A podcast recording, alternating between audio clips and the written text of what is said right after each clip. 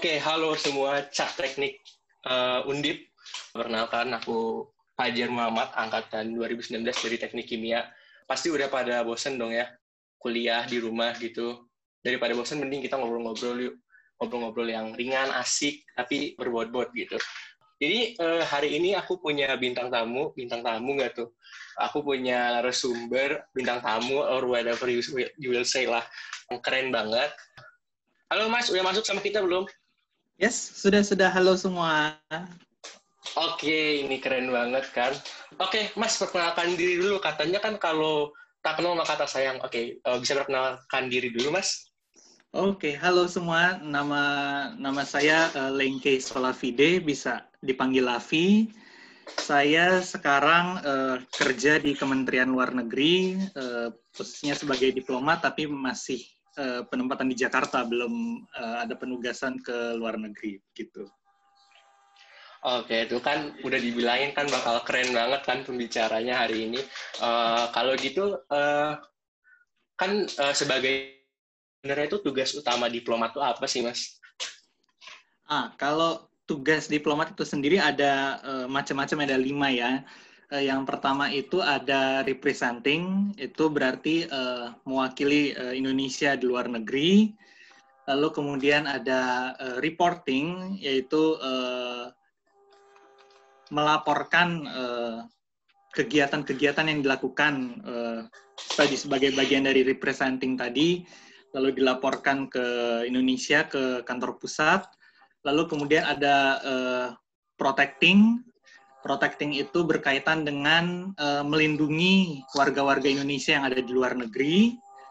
Lalu kemudian ada uh, negotiating. Nah, ini mungkin yang uh, orang-orang paling familiar ya dari semua tugas diplomat, negotiating itu ya bernegosiasi. Jadi ketika uh, kita diplomat Indonesia mewakili Indonesia bernegosiasi mau itu dengan uh, negara lain ataupun banyak lebih banyak dari uh, satu negara dalam lingkup uh, kerjasama regional atau multilateral. Uh, dan yang terakhir itu sebentar, sorry aku agak agak lupa lupa juga. Gak uh, santai aja. Jadi tadi sudah ada uh, reporting, negotiating, uh, protecting, Aduh, sorry ya, sorry agak lupa terakhir yang kelima. Boleh nanti kita balik lagi kalau misalnya aku ingat ya gitu ya. Gak apa-apa, santai aja. Oke, okay, terus, uh, waduh, kayaknya udah uh, apa sih asik banget nih ada representing, reporting, protecting, negotiating. Nah, uh, kan kita lagi uh, keadaannya lagi pandemi kayak gini kan, uh, Betul. Uh, lagi COVID-19 kayak gini. Nah, untuk tugasnya sekarang gimana? Kan biasanya kan kalau misalnya kita tahu ya kalau lihat TV-TV kayak diploma ketemu langsung tatap muka langsung dan sekarang tuh kan ada yang namanya social distancing kayak gitu-gitu. Uh, jadi gimana tuh pekerjaannya sekarang di masa kayak gini? Uh, well uh, itu memang yang uh, biasanya ya kita apa diplomasi yang uh, kita bilang diplomasi tradisional. Itu memang segala sesuatunya biasanya dilakukan secara tatap muka. Jadi mau itu uh, kita pertemuan bilateral atau pertemuan antara uh, dua negara ataupun kalau yang uh, sekarang teman-teman tahu uh, kita lagi terlibat di Dewan Keamanan PBB itu di lingkup uh, multilateral. Jadi kita Indonesia lalu kemudian dengan negara-negara anggota yang masuk dalam Dewan Keamanan PBB itu memang biasa kegiatan dilakukan secara tatap muka langsung di satu ruangan kita berkumpul Nah, tapi dengan adanya uh, pandemi COVID-19 ini, uh, syukurnya kan teknologi juga sudah berkembang ya. Jadi tidak ada hambatan lagi, walaupun kita nggak bisa uh, tatap muka begitu berkumpul, tapi dibantu dengan teknologi seperti ini ada uh, video conference kayak begitu. Jadi diplomasi itu tetap bisa berjalan walaupun uh, si kegiatan tatap muka tadi digantikan dengan pertemuan virtual begitu. Hmm, oke okay, menarik banget nih. Nah, kan kalau berarti itu kita berhubungan dengan pihak luar dari Indonesia ya. Uh, yes. Ada nggak sih di masa pandemi ini kayak yang apa sih? Ya kalau misalnya di organisasi itu ada suka ada kan kayak orang yang kadang-kadang tuh ngilang, kadang-kadang tuh susah dicari gitu. Ada nggak sih uh, ini tuh bukan orang lagi tapi kayak negara yang susah banget dikontaknya kalau lagi masa-masa kayak gini?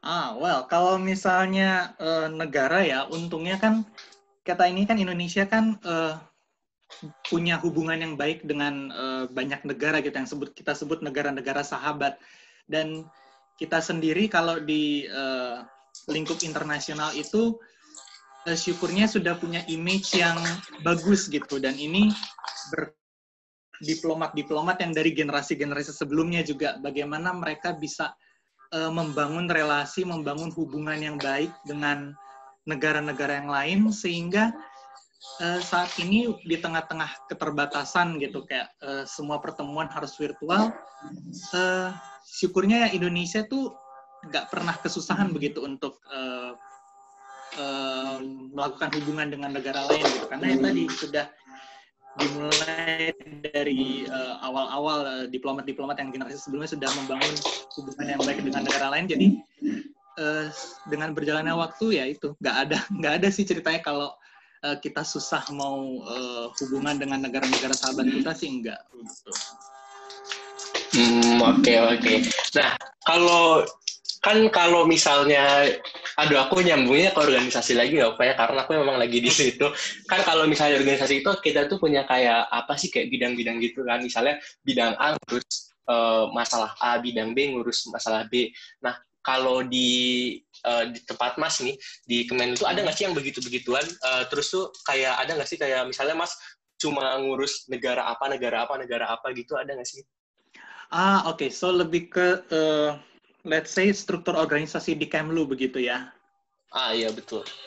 Ah, yes. Kalau struktur organisasinya sendiri sih kita ada. Jadi uh, kita ini kan uh, tugasnya kan uh, utamanya kan berhubungan dengan uh, politik luar negeri begitu. Nah, supaya uh, tugas masing-masing lebih jelas itu kita memang ada pembagian strukturnya. Nah, yang pertama tadi kalau dibilang per kawasan itu kita ada yang namanya uh, Direktorat Jenderal untuk kawasan Asia Pasifik, Direktorat Jenderal untuk kawasan Amerika dan Eropa. Itu kalau kita bicara untuk uh, pembagian negara-negaranya berdasarkan kawasan ya. Lalu kemudian selain dibagi dari kawasan pun kita dibagi berdasarkan uh, hubungan kerjasamanya. Yang pertama itu ada yang khusus uh, untuk ASEAN itu namanya Direktorat Jenderal Kerjasama ASEAN.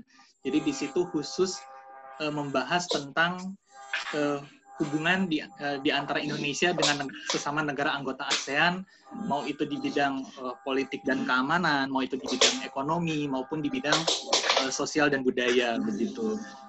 Lalu kemudian selain ASEAN pun kita ada yang namanya Direktorat eh, Jenderal untuk Kerjasama Multilateral di seperti uh, eh, PBB itu khususnya sih memang uh, mainly soal uh, keanggotaan kita di PBB baik itu uh, Dewan Keamanan maupun uh, selain Dewan Keamanan kita juga uh, sekarang lagi ada di Dewan HAM PBB begitu.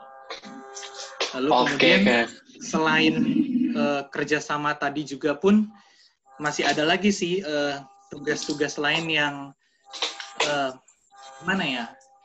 Dia tidak uh, melihat kawasan, tidak melihat uh, bentuk kerjasamanya, tapi tetap dibutuhkan karena peran kita itu uh, banyak di sana. Yang pertama itu ada Direktorat Jenderal Hukum dan Perjanjian Internasional. Jadi kalau uh, misalnya Indonesia dan sebuah negara uh, membuat perjanjian seperti perjanjian bebas visa.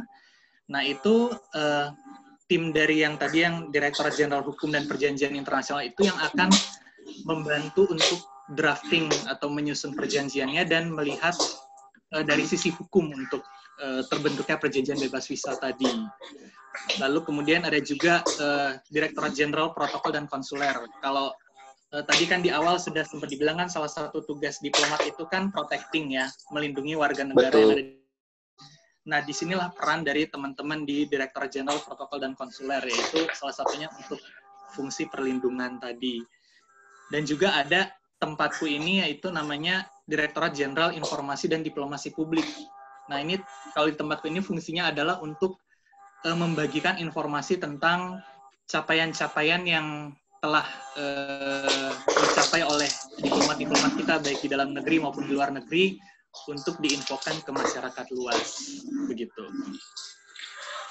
Oke, uh, lengkap banget nih informasinya. Nah, terus kan tadi masih berarti itu di di yang bidang informasi itu ya, betul kan? Betul. Nah, kalau gitu capaian apa yang terbaru saat ini yang di ya capaian apa yang apa sih yang paling baru ini?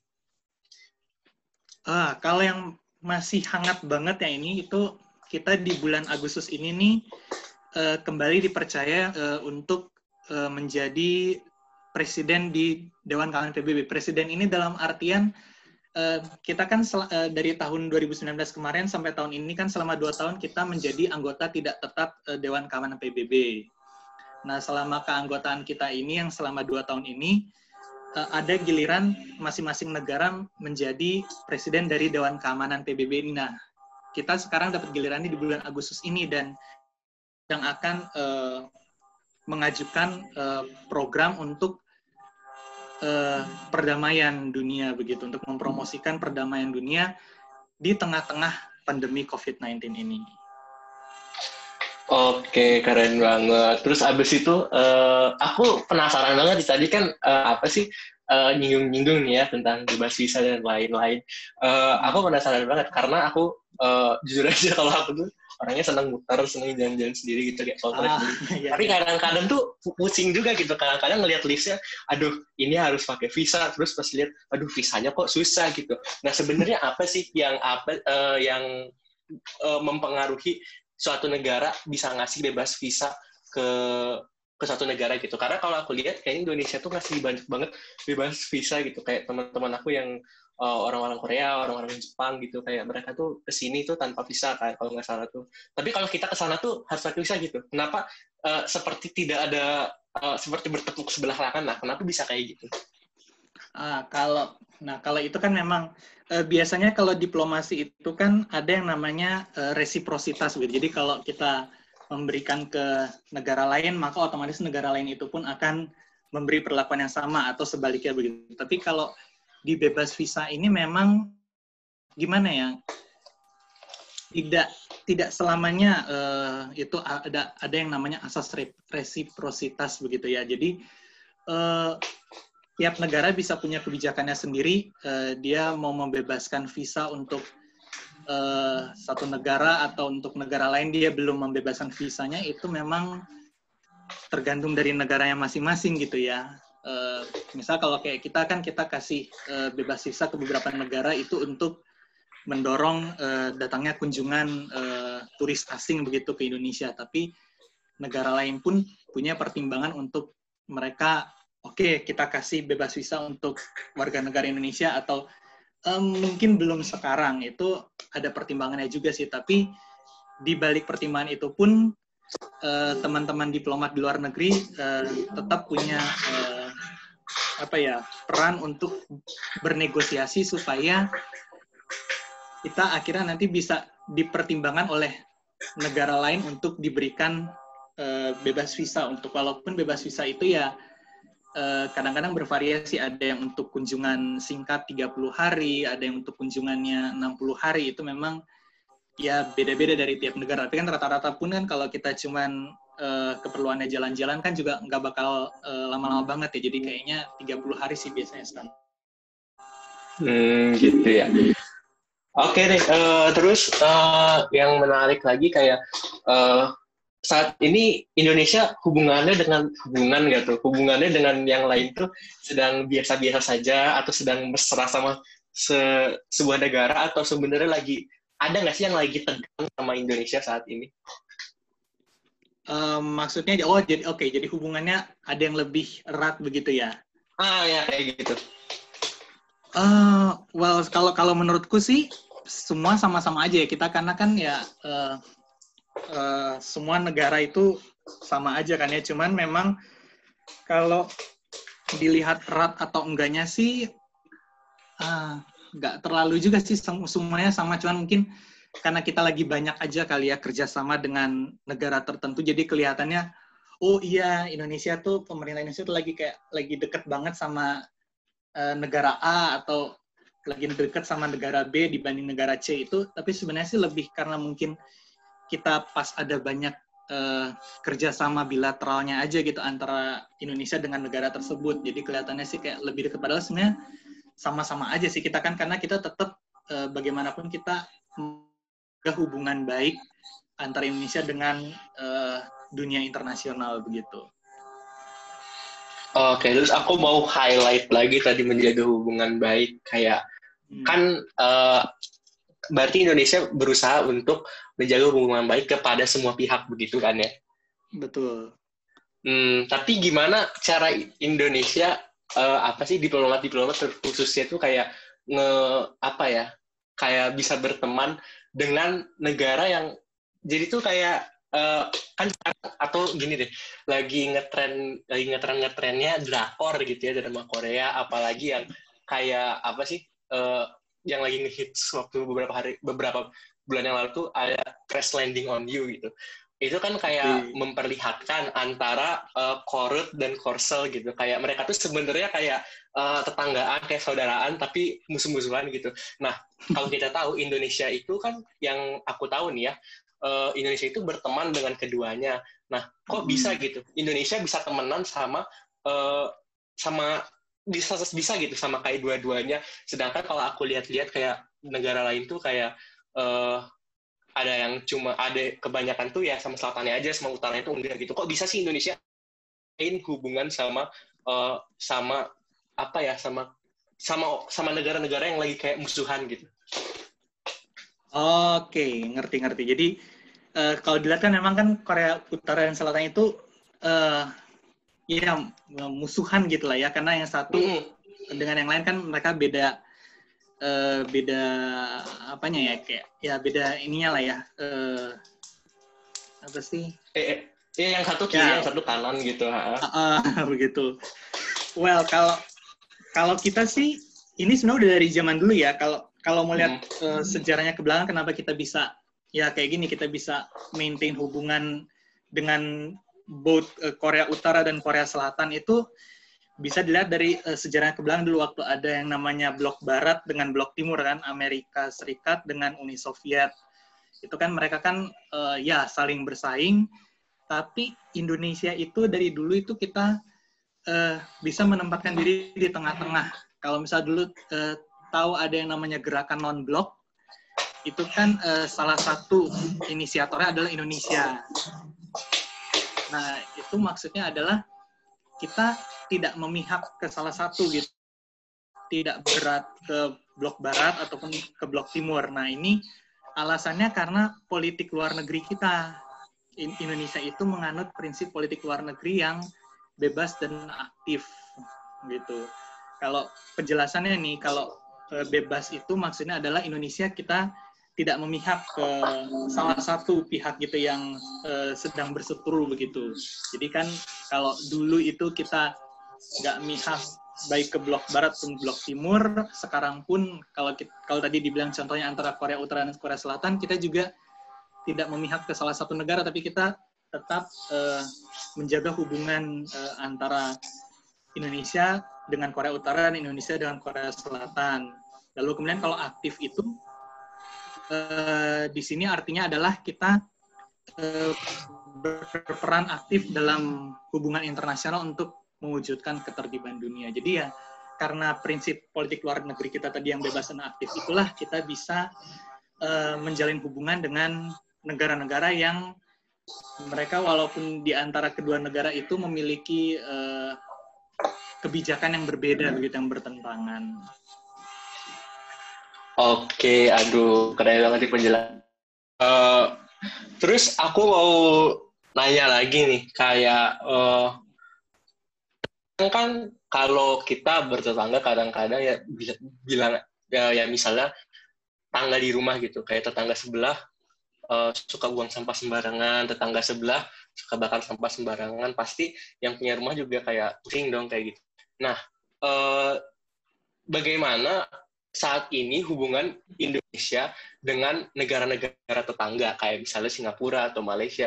Karena kan uh, beberapa uh, beberapa berita kan ada kadang-kadang berita kurang sehat gitu. Sama kayak beberapa waktu lalu aku juga pernah uh, baca tentang uh, yang apa sih yang fear Singapura tuh nge pokoknya tuh uh, lalu lintas udara di daerah-daerah kayak Batam kayak gitu-gitu tuh di apa sih di di kontrolnya tuh sama uh, Singapura bukan sama Indonesia. Nah, uh, terus ada pihak Indonesia uh, nyatakan A, terus pihak Singapura nyatakan B. Nah, sebenarnya tuh gimana sih hubungan kita dengan negara-negara tetangga kita ini? Karena kadang-kadang namanya juga tetangga suka apa sih? Ya, suka usil satu sama lain gitu kan. Hmm. Ah, wah, kalau misalnya tadi uh, fear itu ya itu memang uh, kalau dilihat itu kan dari sejarahnya kan sebenarnya uh, karena memang dari dulu itu apa ruang udara yang di uh, Natuna tadi di Batam itu kan memang ada di bawah uh, pengaturannya Inggris waktu zaman dulu masih zaman uh, Semenanjung Malaya itu masih jadi jajahannya Inggris. Nah, dulu ruang udara di daerah situ termasuk Natuna itu memang eh, yang mengontrol adalah pihak Inggris. Nah, setelah eh, Malaysia merdeka, lalu kemudian juga Singapura merdeka, maka si eh, kewenangan untuk mengatur wilayah udara di daerah situ diturunkan kepada Singapura. Nah, meskipun eh, tadi yang di Natuna itu adalah sebenarnya ruang udara milik Indonesia, tapi kalau melihat di sini itu hanya eh, pengaturan lalu lintasnya lalu lintasnya saja yang diatur oleh Singapura, tetapi tetap kalau bicara soal kedaulatan gitu karena itu masih uh, wilayah ruang ruang udaranya Indonesia, jadi tetap uh, sebenarnya yang berdaulat di situ ada Indonesia. Nah tadi yang pengaturan FIR itu tidak uh, pada dasarnya tidak mengganggu kedaulatan Indonesia di ruang udara tersebut. Cuman kalau mau dilihat di undang-undang uh, kita, itu nomor 1 tahun 2009 sudah diamanatkan bahwa dalam waktu 15 tahun sejak Undang-Undang nomor 1 tahun 2009 itu berlaku, eh, Indonesia akan mengambil alih eh, wilayah udara yang masih dikontrol oleh eh, negara lain. Jadi memang kita masih dalam proses supaya paling lambat di tahun 2024 wilayah udara kita yang di Natuna itu sudah berpindah tangan jadi tidak lagi dikontrol oleh Singapura tetapi jadi dikontrol oleh Indonesia begitu. Tapi so far sih itu tidak mengganggu kedaulatan kita sebenarnya. Hmm, oke. Okay. Kalau gitu ada nggak sih tetangga yang sampai ngeganggu kedaulatan? Hmm, kalau sampai sekarang sih enggak ya. Cuman maksudnya kadang kalau uh, suka ada yang tiba-tiba uh, nyelonong masuk gitu. Ya katakanlah ada pesawat pesawat sipil gitu, pesawat yang tapi bukan pesawat gede ya, bukan pesawat maskapai gitu, tapi pesawat pribadi gitu tiba-tiba masuk tanpa izin ke ruang udara Indonesia, ya tetap kita uh, ditindak sih begitu. Jadi tetap kan uh, pesawat dari angkatan udara itu kan datang lalu intercept uh, si pesawat sipil tadi lalu diminta mendarat di di bandara di Indonesia lalu kemudian diperiksa itu sih standarnya begitu karena kan ya namanya nyelonong masuk ke wilayah punya orang kan harus ada izinnya kan kalau nyelonong masuk ya tetap kita tanyakan dulu kenapa mereka masuk begitu. Oke, uh, terus ada berita berseliweran beberapa bulan lalu uh, tentang uh, Nine Dash Line punya China yang katanya uh, apa sih uh, nyaplok wilayah Indonesia. Nah itu bener nggak sih? Dan gimana cara diplomat-diplomat kita nge apa sih uh, akhirnya ngatasin yang kayak begituan? Nah, kalau yang soal nine dash line itu nih baru juga nih, apakah memang kan belakangan ini kan uh, sejak COVID ini kan uh, kita kan Kementerian Luar Negeri selalu ngadain konferensi pers begitu. Lalu juga di konferensi pers itu pun uh, sering yang bicara adalah Ibu Menlunya langsung kan. Nah, beliau itu selalu menekankan bahwa uh, terkait Nine Dash Line ini Indonesia ini terus uh, mengajak uh, Tiongkok, mengajak Cina untuk menghormati ketentuan uh, UNCLOS 1982 karena itu adalah uh, perjanjian internasional di bidang dan itu sudah berlaku dari tahun 1982 dan ya itu karena kita punya dasar kuat uh, bahwa sebagian dari laut uh, laut Cina Selatan itu adalah memang masih daerahnya Indonesia begitu milik Indonesia. Jadi kita menekankan kepada Cina kepada Tiongkok untuk menghormati ketentuan uh, UNCLOS 82 itu gitu. Kalau posisi kita sih itu begitu karena ya kita punya uh, dasar hukum yang kuat itu. Oke, tapi tapi sampai sekarang belum ada titik temunya berarti atau udah ada? Ya, kita sih kalau dari uh, Kemlu dari Indonesia itu kita pokoknya posisinya adalah uh, mengencourage meminta uh, Tiongkok untuk menghormati uh, ketentuan UNCLOS tadi begitu karena kan itu sudah jelas diatur batas-batasnya seberapa jauh dari uh, wilayah daratan Indonesia begitu.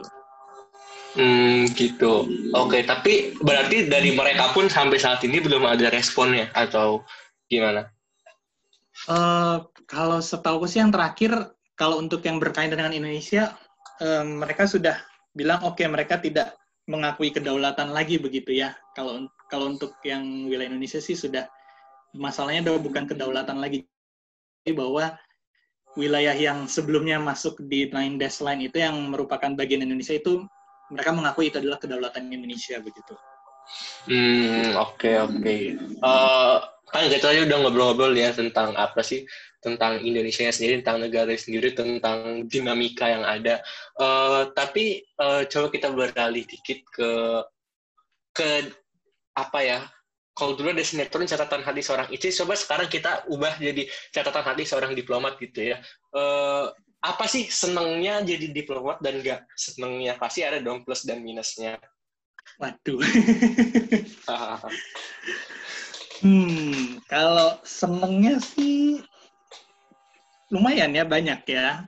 Terutama eh, senengnya karena memang ini dulu cerita sih ya cerita kenapa eh, pengen jadi diplomat itu karena dulu waktu SMP pernah ikut eh, orang tua eh, ngambil pendidikan di luar negeri Lalu kemudian uh, selama di luar negeri itu uh, kita dilibatkan oleh eh, diplomat-diplomat yang bertugas di sana untuk beberapa kegiatan yang diadakan oleh kedutaan.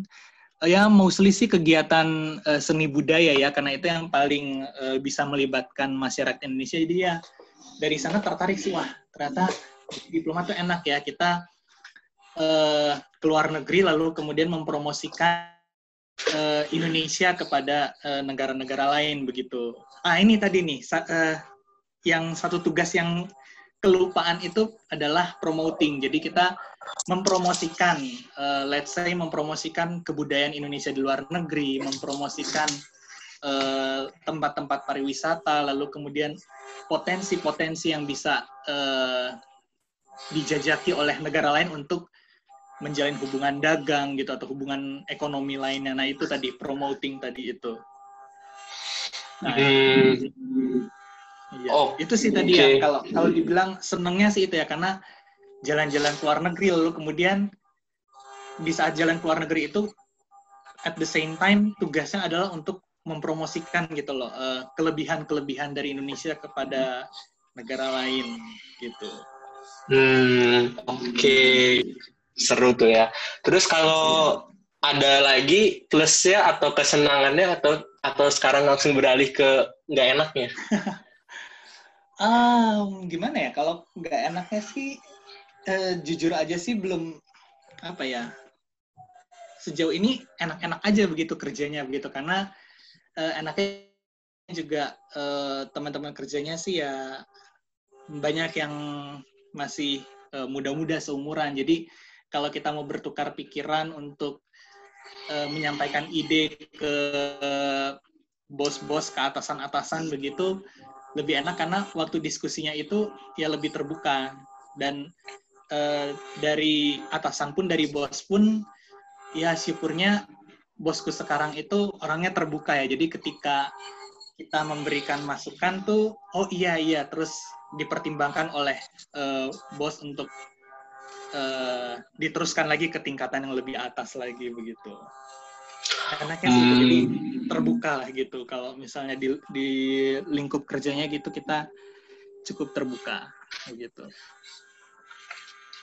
Oke oke berarti tapi berarti udah pernah apa sih kak tadi katanya jalan uh, bisa jalan-jalan sambil nge-promosi Indonesia. Nah udah ke mana aja nih? Ah kalau kalau aku sih belum belum banyak ya baru uh, dulu waktu masih pendidikan itu sempat ke Malaysia. Ke Malaysia itu uh, waktu itu kita ngelihat uh, apa sih kerja uh, tugas diplomat di luar negeri. Ini kan heavy-nya kan ke perlindungan WNI karena WNI kita itu ada jutaan di sana gitu di Malaysia. Nah, uh, jadi memang uh, tugas in, uh, tugas kalau untuk diplomat yang di Malaysia itu uh, besarnya sih ke perlindungan WNI. Jadi di sana pun aku tahu bahwa oh kalau dulu di waktu ikut orang tua ke luar negeri itu banyaknya promosi seni budaya, kalau di negara lain ternyata tugasnya ke perlindungan uh, eh, WNI begitu. Lalu kalau uh, penugasan yang keluar negeri sih uh, waktu itu pernah ke Amerika Serikat, tapi kita di sana lebih ke uh, mengumpulkan perwakilan-perwakilan Indonesia di kawasan Amerika itu untuk uh, memberikan apa ya semacam bimbingan teknis begitu uh, untuk penggunaan media sosial. Karena kan ya seperti kita ketahui kan sekarang kan media sosial itu kan bisa juga jadi uh, sarana untuk uh, mempromosikan dip, uh, kegiatan diplomasi kita begitu kepada masyarakat luas. Dan ya terbukti sekarang di tengah pandemi itu tuh sangat bermanfaat karena kan kita lagi dibatasin untuk uh, pertemuan langsung begitu. Oke, terus uh, hal yang paling berkesan gitu selama selama di Kemenlu selama jadi diplomat itu apa mas? Berkesan ya. Mm -mm. Hmm, kalau selama sekarang sih ya itu uh, akhirnya mimpi bisa uh, mimpi dulu masa kecil gitu untuk uh, menjadi diplomat itu bisa uh, jadi nyata begitu ya. Tapi mungkin ke depannya pasti akan ada pengalaman yang lebih berkesan lagi sih. Ini karena mungkin karena sekarang belum belum yang ditempatkan penugasan di perwakilan gitu ya itu pasti akan beda kesannya dengan uh, selama ini di dalam negeri begitu. Oke, okay, tapi berarti nanti tuh pasti bakal penempatan keluar semuanya gitu atau beberapa orang aja? Uh, ya, semuanya akan ada uh, giliran penempatan keluarnya. Cuman memang kan uh, ada ada gilirannya begitu ya kira-kira 3 sampai 4 tahun uh, penugasannya di dalam negeri lalu kemudian di luar negeri juga sama 3 atau 4 tahun lalu kemudian balik lagi ya begitulah siklusnya uh, penugasan kita gitu ada negeri dan akan ada waktunya di luar negeri. Oke, oh ternyata tuh bersiklus ya. Aku kira tuh kayak apa sih kayak berapa tahun pertama, terus habis itu langsung setelah sampai pensiun terus habis itu kayak gitu aja terus. Oh, ternyata bersiklus ya. Iya, jadi ada pindah-pindah, ada waktunya kita di dalam negeri, lalu kemudian ke luar negeri, lalu balik lagi, dan seterusnya gitu. Oke, nah ini menarik banget kan, berarti kayak fakta-fakta hmm. yang sebenarnya kayak aku aja nggak tahu gitu, karena uh, baru tahu sekarang banget. A -a ada lagi nggak sih fakta-fakta yang yang yang orang lain tuh belum tahu tentang diplomat tuh uh, yang kayak tadi gitu? Ada nggak sih? Uh, kalau ya, kalau tadi diplomat itu kan uh, siklus penugasannya ya. Jadi uh, mm -hmm. tugasnya akan ada di dalam negeri, lalu di luar negeri, lalu balik lagi dalam negeri. Nah, mungkin fakta lainnya yang uh, kadang orang uh, baru tahunya belakangan gitu atau uh, apa ya sebenarnya sih pasti ada juga sih yang tahu kalau diplomat itu sebenarnya uh, pegawai negeri jadi kalau selama ini kan kita kan bayangannya kalau pegawai negeri itu kan yang orang-orang uh, yang berseragam begitu kan ya kerjanya mm. di pemerintah daerah begitu. Tapi diplomat pun sebenarnya itu bagian dari pegawai. Nah, tapi kalau tadi yang teman-teman yang di pemerintahan daerah itu kan mutasinya dia bisa ke berbagai daerah di Indonesia juga. Kalau kita lihat juga beberapa kementerian juga sama kan mutasinya itu di kantor-kantor perwakilan mereka di beberapa daerah. Nah, kalau kita tadi eh, rotasi tugasnya adalah ke luar negeri begitu tapi tugasnya sih sama kita sama-sama pegawai negeri jadi sama-sama tugasnya adalah uh, mengabdi kepada negara, melayani warga negara-warga negara Indonesia begitu. Oke oke. Terus uh, berarti itu uh, oh iya uh, kalau jadi uh, ini nih buat info mungkin teman-teman juga pada pengen tahu gitu ya. Uh, yang diterima di sini tuh jurusan soshum aja atau saintek juga bisa. Nah, kalau kebanyakan sih memang kita uh, yang diterima itu dari sosum ya, misalnya dari uh, yang udah pasti hubungan internasional, lalu kemudian ada juga hukum, ekonomi, ilmu politik. Nah, kalau misalnya dari uh, saintek itu nggak, ya memang nggak banyak sih kita uh, lebih ke yang berhubungan dengan IT karena kita juga, jadi uh, sorry di Kementerian Luar Negeri itu untuk kita ada namanya pegawai dinas dalam negeri dan pegawai dinas luar negeri. Nah, kalau untuk pegawai dinas luar negeri ini selain diplomat ada juga yang namanya uh, petugas komunikasi dan uh,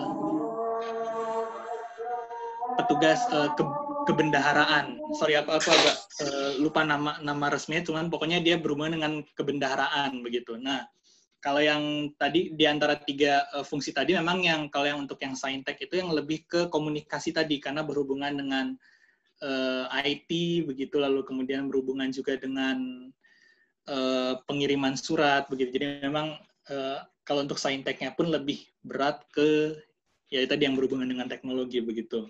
Nah kalau misalnya dari teman-teman yang saintek yang lain bisa kok kalau memang mau jadi diplomat, cuman berarti uh, ketika ngambil S2 mungkin agak banting setir begitu ngambil ke hubungan internasional atau apa karena pengalaman ada temanku juga yang begitu yang S1-nya dia dari Saintek tapi kemudian ngambil S2 HI dan akhirnya apply dan keterima di Kemlu gitu.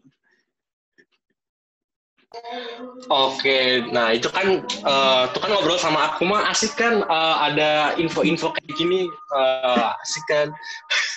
Terus uh, durasi nih ya, uh, ada closing statement gak nih dari Mas? Closing statement mau yang seperti apa nih? hmm, bebas sih maksudnya tuh kayak mau mempromosikan Kemenlu boleh mau mau ah terserah uh, apa apa aja deh gimana mas? Hmm.